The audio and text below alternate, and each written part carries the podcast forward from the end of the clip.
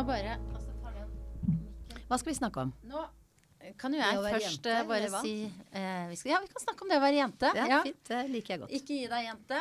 Mm. Uh, dere som uh, hører på denne podkasten nå, uh, hører sikkert i hvert fall én kjent stemme. En stemme som er veldig kjent for mange av oss. Dette er altså podkasten Bra damer.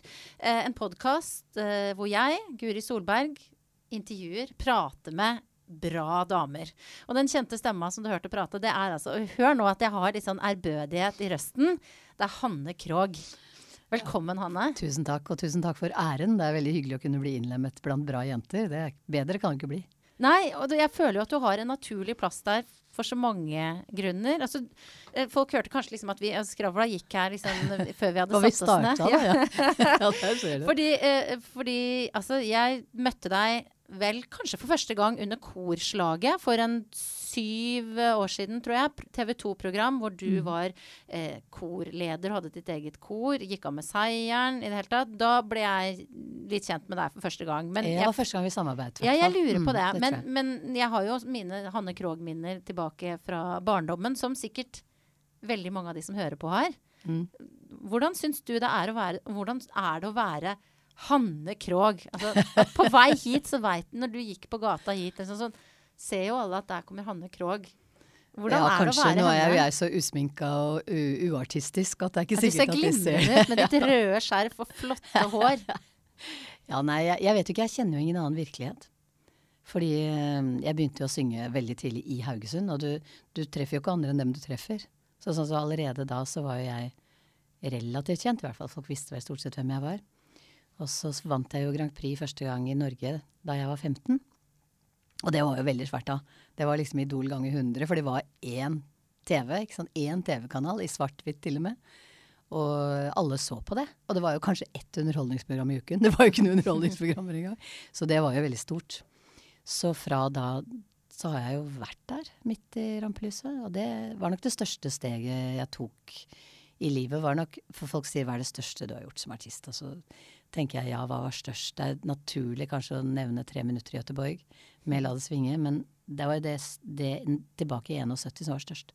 For det er det eh, veldig store steget fra anonymitet og midt inn i spotlighten. Det vil alltid være det største. Så jeg kjenner jo ikke noe annen virkelighet. Jeg, jeg må jo si at ungene mine ler av meg, for jeg sier jeg skjønner ikke dette her, sier jeg. At alle sier at det, disse svenske servitørene er så veldig serviceinnstilt. Jeg syns ikke jeg får noe service i det hele tatt. Og de sier mm, 'mamma, hva tror du det kommer av?' Nå har du det sånn som alle vi andre har det. Det er ingen av dem som kjenner deg. Ikke de, de ser jo bare en middelaldrende, litt sliten dame som kommer. Så det er vel kanskje sant. Hva da, Hanne Krog? Jeg vet ja, han, ikke hvem han det er er. krog, er det. Han er krog, Even, han er er krog, sier de i Ah. Sverige. Ja. Det er, så, så jeg var sånn ja ja, ok, nei. Men derfor så var det utrolig hyggelig. Det er jo 100 år siden La det svinge i Göteborg, eller i Mm. hvert fall 31. Så kom jeg til Göteborg nå bare for en liten stund siden, og så satte jeg meg inn i en taxi, og så sier taxisjåføren Neimen, hva da?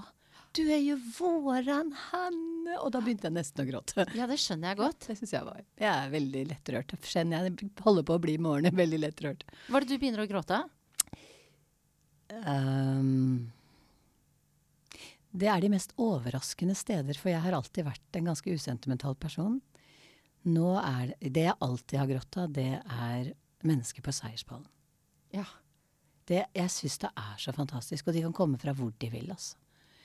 Men du ser, når du ser Du vet hvor mye de har lagt ned, og du vet hvordan noen mennesker For man snakker om det at man skal våge å ha drømmer, men det store motet er å våge å oppfylle drømmene sine. Va?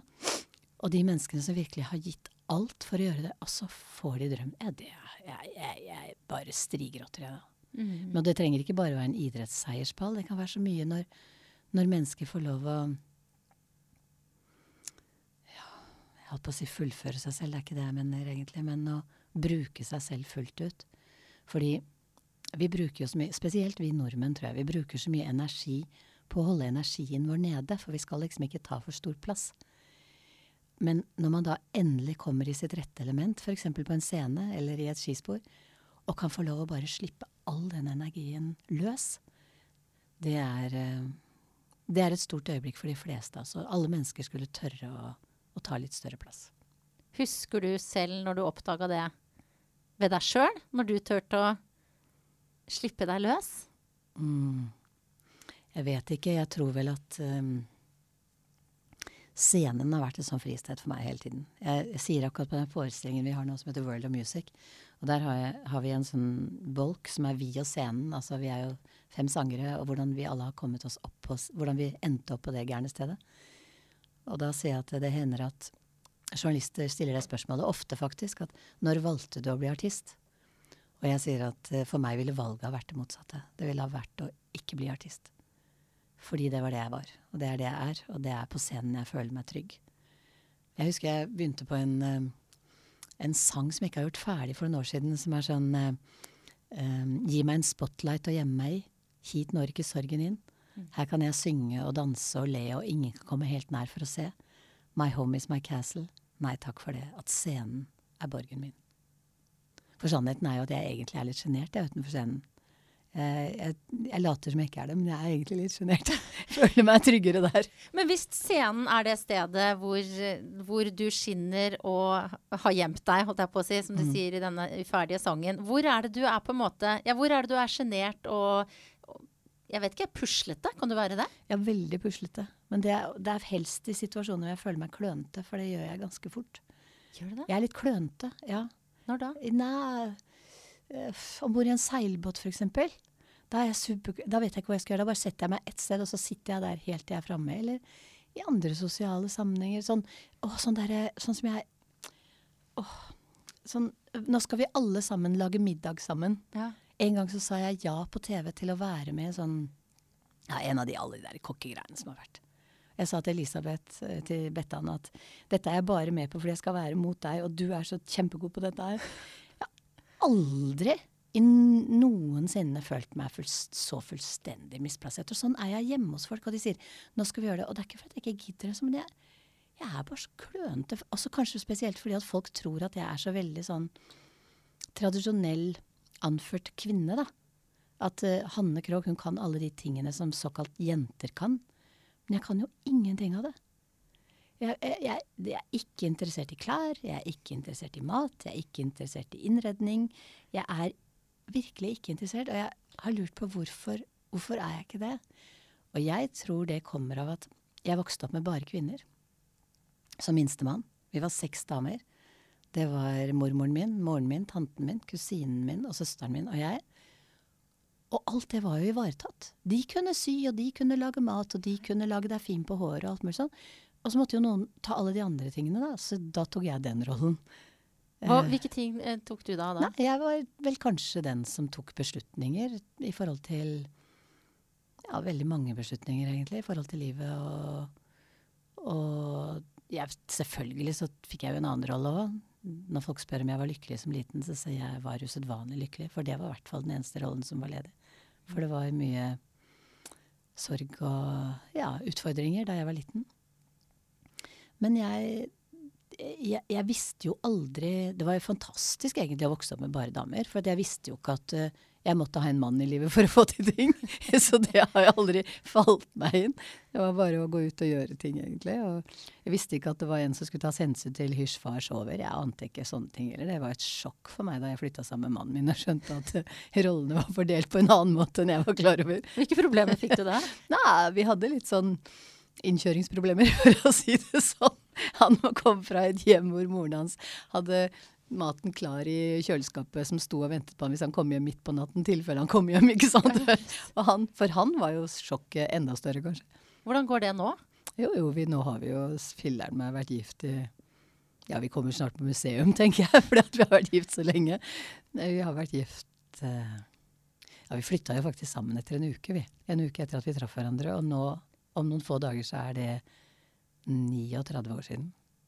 Til tross for at du da ikke hadde maten klar når han kom hjem midt på natta. Nei, og fremdeles ikke har det. Stakkar. Mm. Men han har blitt veldig god til å lage mat. Ja, det ser du. Man fordeler arbeidsoppgavene. Ja. Du, du sa noe med at uh, folk forventer at du har disse her klassiske kvinnelige egenskapene. Mm. Uh, og det er jo sånn at folk har jo gjerne mange oppfatninger om deg. Vi, kjenner deg, sant. Uh, og jeg merker det nå når du snakker, så du har en veldig sånn blid, mild stemme. Vi kjenner deg som julesanger. eh, altså, eh, vi assosierer deg med mange sånn milde, snille ting. Mm. Men jeg tror, eh, og jeg har ikke sett dette, men jeg tror du kan være ganske ram, f.eks. Altså, du må jo være en god businessdame, siden du har vært i denne bransjen lenge og har klart deg såpass bra. Tar jeg feil? Nei, altså jeg har jo Det er vanskelig å si for hva er ram? Ja, nei, det var et ord som falt Ja, nei, men det ut nå. det er ok, du men må kan du være ehm, Hvordan er du i for eksempel, du, hva, Hvordan er du når du ikke får det som du vil, eller i en diskusjon, hvis du skal si 'sånn vil jeg ha det' i denne forestillingen? Altså, Mm. Det mange kaller tydelig. Uh. Ja, altså jeg tror jo på det i forhold til både samarbeidspartner og barn og alt, at du er tydelig. mm. Uh, men du trenger ikke å kjefte og være sur og vemmelig allikevel. For det første så, så er det jo veldig lett å forveksle vennlighet med veikhet. Mm. Eh, og det tror jeg veldig mange mennesker gjør. Ja. Og jeg har et ønske om å være vennlig. Jeg syns man skal være vennlig og høflig og veloppdragen. Jeg er oppdratt sånn. Uh, men jeg tror Jeg tror for det første Du vet jo at jo mer kjent du er, jo mindre er boksen. Eh, og nå er jeg visst ganske kjent, så den boksen er ganske liten. Hva er det sønnen min pleier å si? Hanne Krogh er den jeg kjenner med aller lavest Hanne Krogh-faktor. uh, men mm, jeg, jeg er nok et menneske som gjerne vil bestemme over meg selv. Det, det, det sa moren min allerede fra jeg var liten, at du kan få Hanne til å gjøre hva som helst. Absolutt hva som helst, bare du ikke bestemmer over henne. Eh, og det tror jeg nok fremdeles henger ved. Jeg går ekstremt i eh, motfase hvis noen begynner å gi meg ordrer. Det, det klarer jeg ikke. Men eh, saken er vel bare at jeg har gjort ting på en litt annen måte enn det var, man var vant til at jenter gjorde for såpass mange år siden. Så jeg eh, eier jo f.eks. de fleste av mine plateproduksjoner fra tider hvor man ikke trodde at jenter gjorde det, eller eh, ja, selv, selv, eh, selv eh, La det svinge er liksom Hanne Krogh Production nå i dag. Ja. Men eh, jeg tror ingen oppfatter meg som eh, Jeg tror ikke folk oppfatter meg som vanskelig, men det er mulig jeg er det. Det, det er jo ikke jeg som ser det. Men eh, når du som jeg da også er um, involvert i produksjonen av det som lages f.eks. de store forestillingene som vi har gjort de siste årene nå, så er det jo viktig at du først og fremst Det er jo ikke alltid når man skal bestemme at man bestemmer til fordel for seg selv. Eh, men man skal være nøye på at man Da må man jo først og fremst være opptatt på at de andre skal skinne. Og alle kan ikke bare gjøre toppnumrene, og da må du på en måte gjøre Da må du selv, som er verten, gjør, ta det som tar ned. Så ja, du, du hører at jeg snakker rundt grøten og ikke helt vet hva jeg skal svare. For jeg er, ikke, jeg er ikke helt sikker på hvordan folk oppfatter meg. Jeg tror at folk av og til føler seg litt lurt. Hvordan da? Ja, jeg tror at de forventer akkurat den Hanne Krogh som du snakker om. Ja. Den som er snill og mild og føyelig. Hold kjeft og syng, damen. Eh, og, så, og at jeg er veldig, veldig såkalt eh, feminin. Jeg er feminin, herlighet. Jeg skulle ønske jeg var litt mer maskulin. Litt mer bredskuldrete og smalhoftet og sånn. Skulle ikke til gjøre meg imot. Men at jeg på en måte gir litt sånn doble at, at det blir litt sånn annerledes inntrykk enn den de møter, da. Mm. Fordi jeg er mye mer eh, bevisst på, på målet jeg ønsker å ha. Og i en artistkarriere så må det være artisten som går først i den snøplogen. Det tror jeg veldig på, da. For det er du som, er du som setter navnet ditt til det. Guri, nå svarte jeg mye rundt et klart spørsmål. Men du, jeg har lyst til å gå tilbake til det du sa om um, å eie sine egne låter. Altså, og at du, Hanne Krogh Productions eier La det svinge. Altså at du på en måte var veldig bevisst, da, tydeligvis, tidlig i karrieren.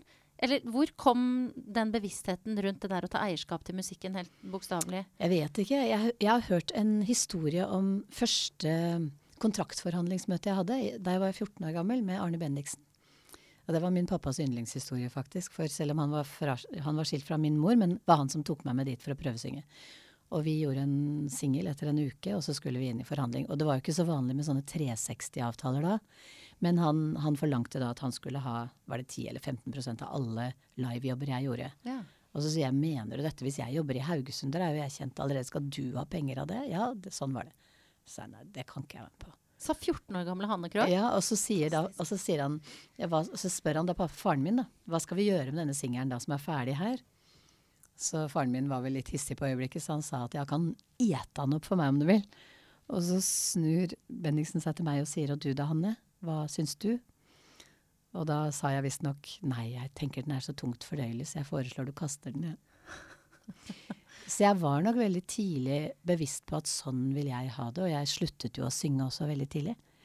Jeg, eh, jeg sluttet jo egentlig å synge akkurat da selskapet ville at jeg skulle lage en LP for Tyskland, en for Sverige. I den tiden så lagde man for hvert marked. Mm -hmm.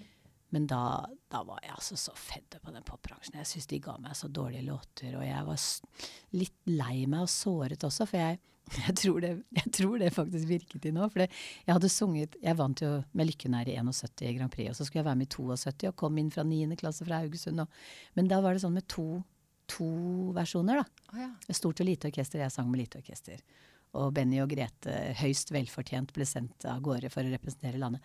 Men rett etter at det var ferdig, så Jeg var jo 16 år og var kjempestolt, og vi hadde vunnet og greier. Så var det ikke ett menneske som sa gratulerer. Og du, det tror jeg Da tenkte jeg denne bransjen vil ikke jeg være med i. Så jeg sluttet å spille inn plater. Og så flyttet jeg hjemmefra istedenfor, fra Haugesund til på hybel i Oslo.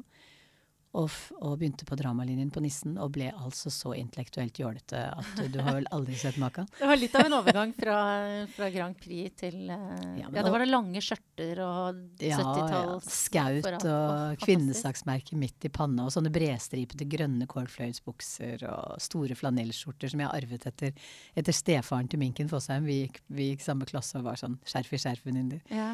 Så, um, og så begynte jeg å synge igjen. Eller først så først, Jeg gjorde jo andre ting. Jeg gjorde, dere som er vokst opp med det, jeg gjorde disse egne tingene, mm. vet du. Og spilte i en film som het Crash, som heldigvis har gått litt over i historien. Ja, ja, men jeg nettopp jeg har googla det en del nå, så jeg, jeg har mimra litt, jeg.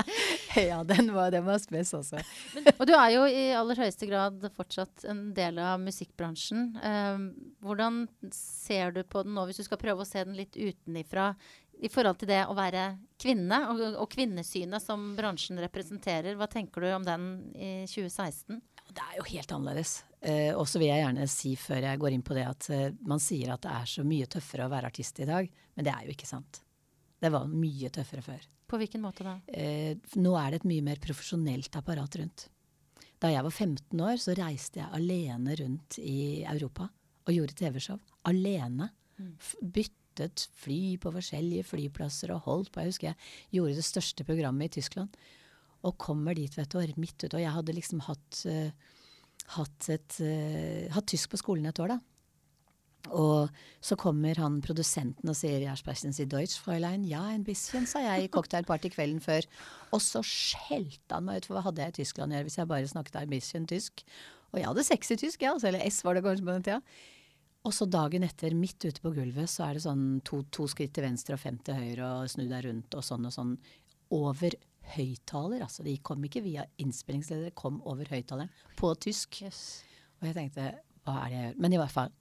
Eh, I dag ville man aldri ha sendt en 15-åring av gårde rundt omkring i Tyskland på TV-show og plateinnspillinger. Det hadde man aldri gjort.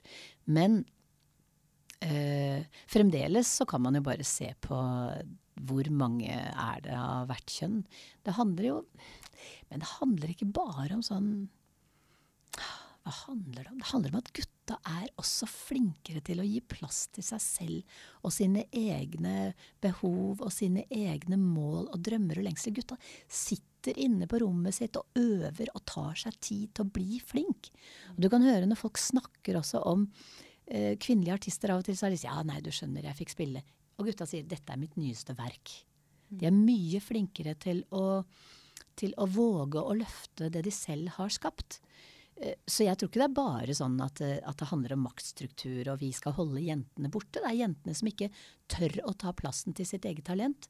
Der er mye av grunnen, tror jeg, til at det er så overvekt av gutter. Mm. Fordi at dette er et yrke hvor du rett og slett må tørre å tro at du er god nok.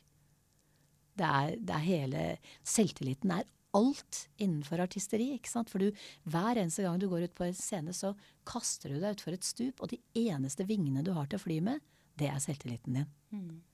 Eh, og du skal være modig for å gjøre det. Har du alltid vært modig?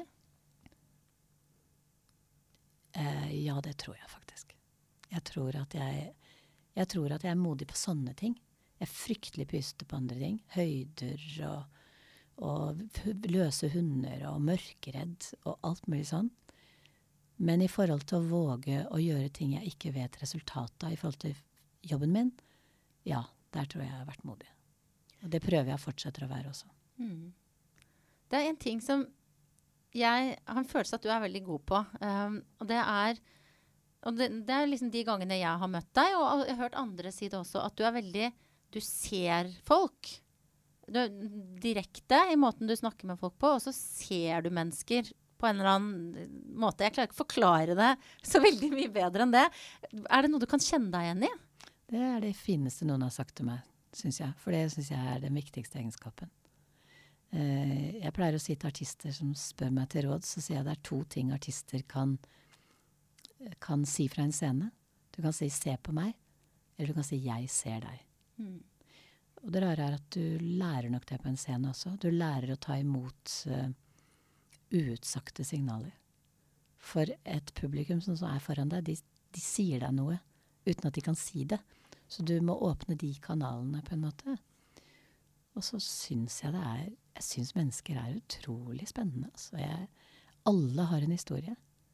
Eh, og, og, som sagt, i faget mitt også, så er det Det er min viktigste Min største plikt er å se de menneskene som jeg opptrer for.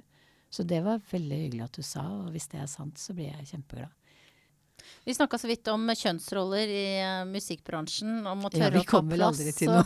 ja, jeg vet ikke om vi kom til noen konklusjon, ja, men, men, det jeg tenker er at du har jo en lang erfaring som andre kan lære av. Altså, hvis du skulle gitt et råd til en ung kvinne da, som uh, er i den situasjonen som du var i for uh, mange år siden da du var 14 som skal inn i musikkbransjen, som drømmer om et liv i musikkbransjen. Hva, hvilke råd vil du gi? For det første er det veldig viktig å vite på forhånd at uh, Det er jo mange som sier at uh, Jeg føler at enkelte artister ønsker å bli artister fordi de ønsker å bli berømt.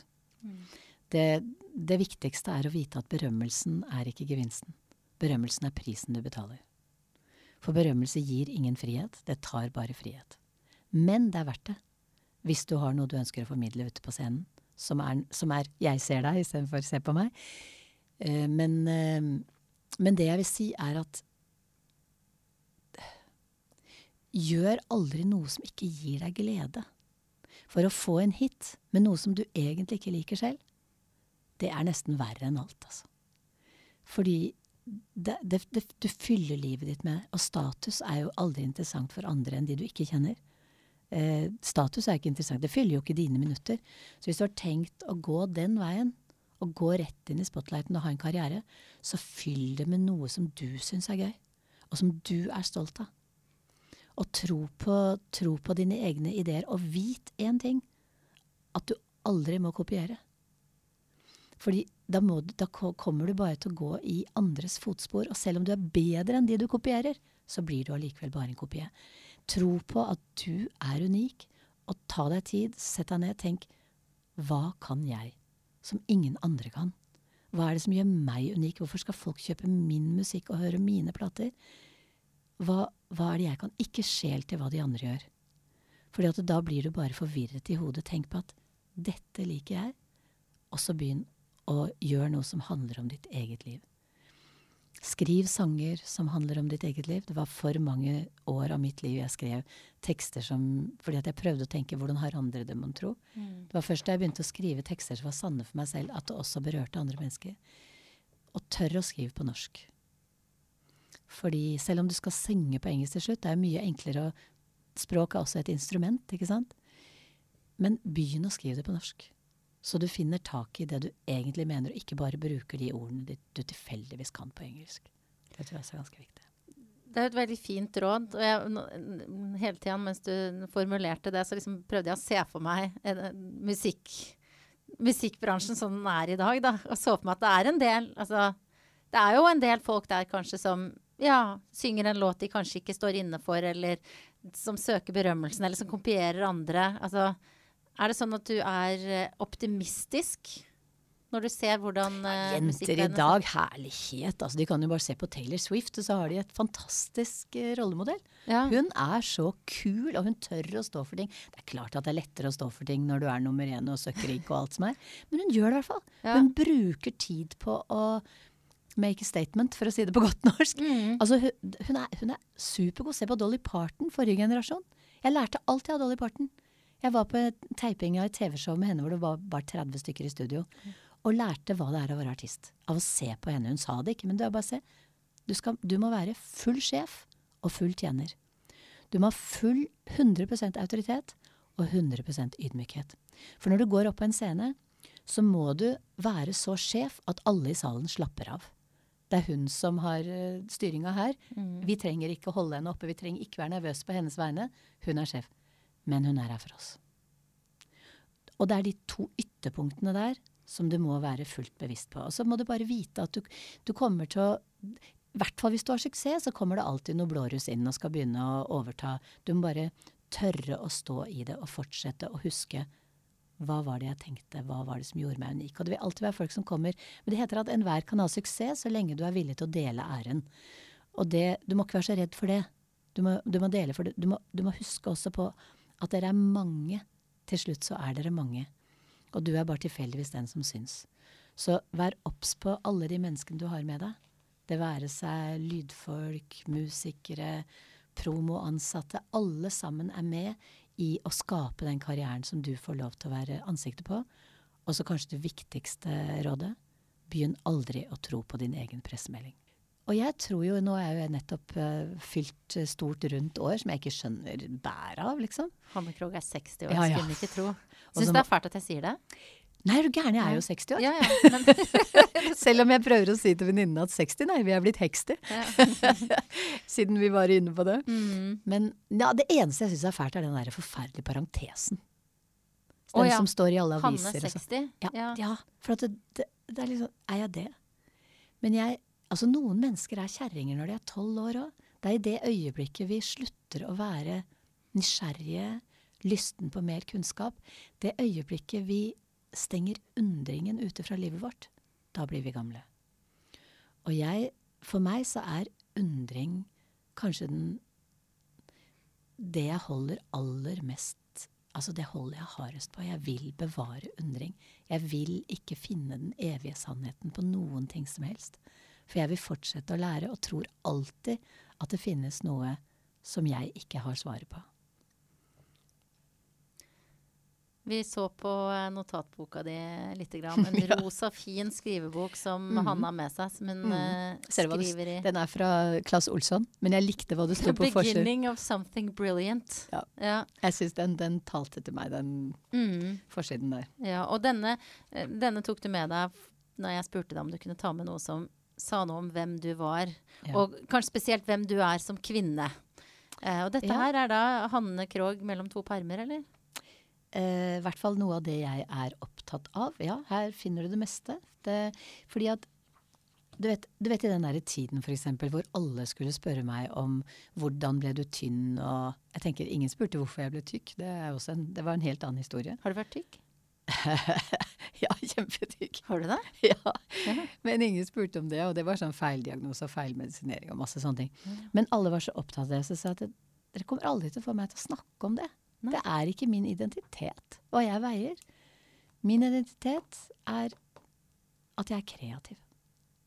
Mm. Det er det jeg vil være. Jeg vil være kreativ. Sterk og kreativ. Det vil jeg være. Jeg vil ikke være er- vi, vi, er, vi er så opptatt av dette med, med utseende. Jeg sier at det kan ikke Altså, det er jo så tøft å være ung. Ikke sant? Tenk å være ung, da. Jeg ville ikke vært 20 år. Hormonene raser gjennom kroppen, og du har alle valgene du skal ta, og press om lykke og alt mulig. Jeg sier at kan ikke ungdommen få lov å ha skjønnheten i fred? La dem ha det. Det er jo så mye bedre å være voksen. Vi har jo alt det andre. Kan de ikke i hvert fall få lov å ha skjønnheten? Og det, det, det handler om at jeg vil først og fremst bli oppfatta av at jeg er kreativ. Og derfor tok jeg med meg den. fordi at det, det er Du kan jo aldri kjede deg når du kan sette deg ned Hvis du sitter og venter på noe, da, Mm. så kan du bare finne fram blyant og papir, og så kan du begynne å finne på ting. Det er så gøyalt. da har jeg nok å sitte på en kafé med et blankt ark og begynne bare å tenke nye tanker. Og tenke nye ideer og sånn. Så det tror jeg definerer litt hvem jeg er. Og det er ganske fillete. Det er kanskje også et bra definisjon til meg. Fillete, sterk og kreativ. ja. Det vil jeg også være. Tusen takk for at du kom, Hanne Krogh. Veldig hyggelig. Monster.